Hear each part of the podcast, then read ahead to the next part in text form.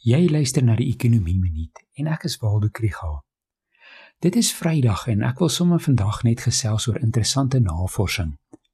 Gedragsekonome ondersoek onder andere die sielkundige impak van armoede.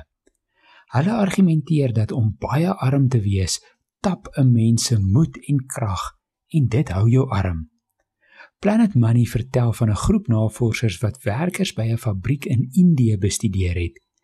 Hierdie werkers is bestaansboere wat deeltyds by die fabriek kleiborde maak.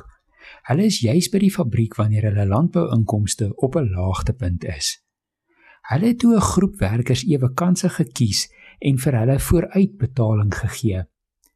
Hulle het elkeen ongeveer 20 dollar ontvang en dit is gelykstaande aan hulle vorige maand se inkomste.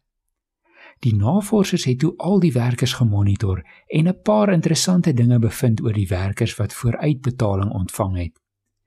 Meeste van hulle het die geld gebruik om skuld terug te betaal. Hulle was meer produktief en het 6% meer borde per uur gemaak en hulle het minder foute gemaak. Die gevolgtrekking is dat toe die werkers eers losgekom het van die sielkundige las van hulle finansiële probleme, was hulle meer produktief. Partykeer kan die las van armoede so swaar wees dat dit 'n oorsaak word van hoekom mense nie uit armoede kan ontsnap nie.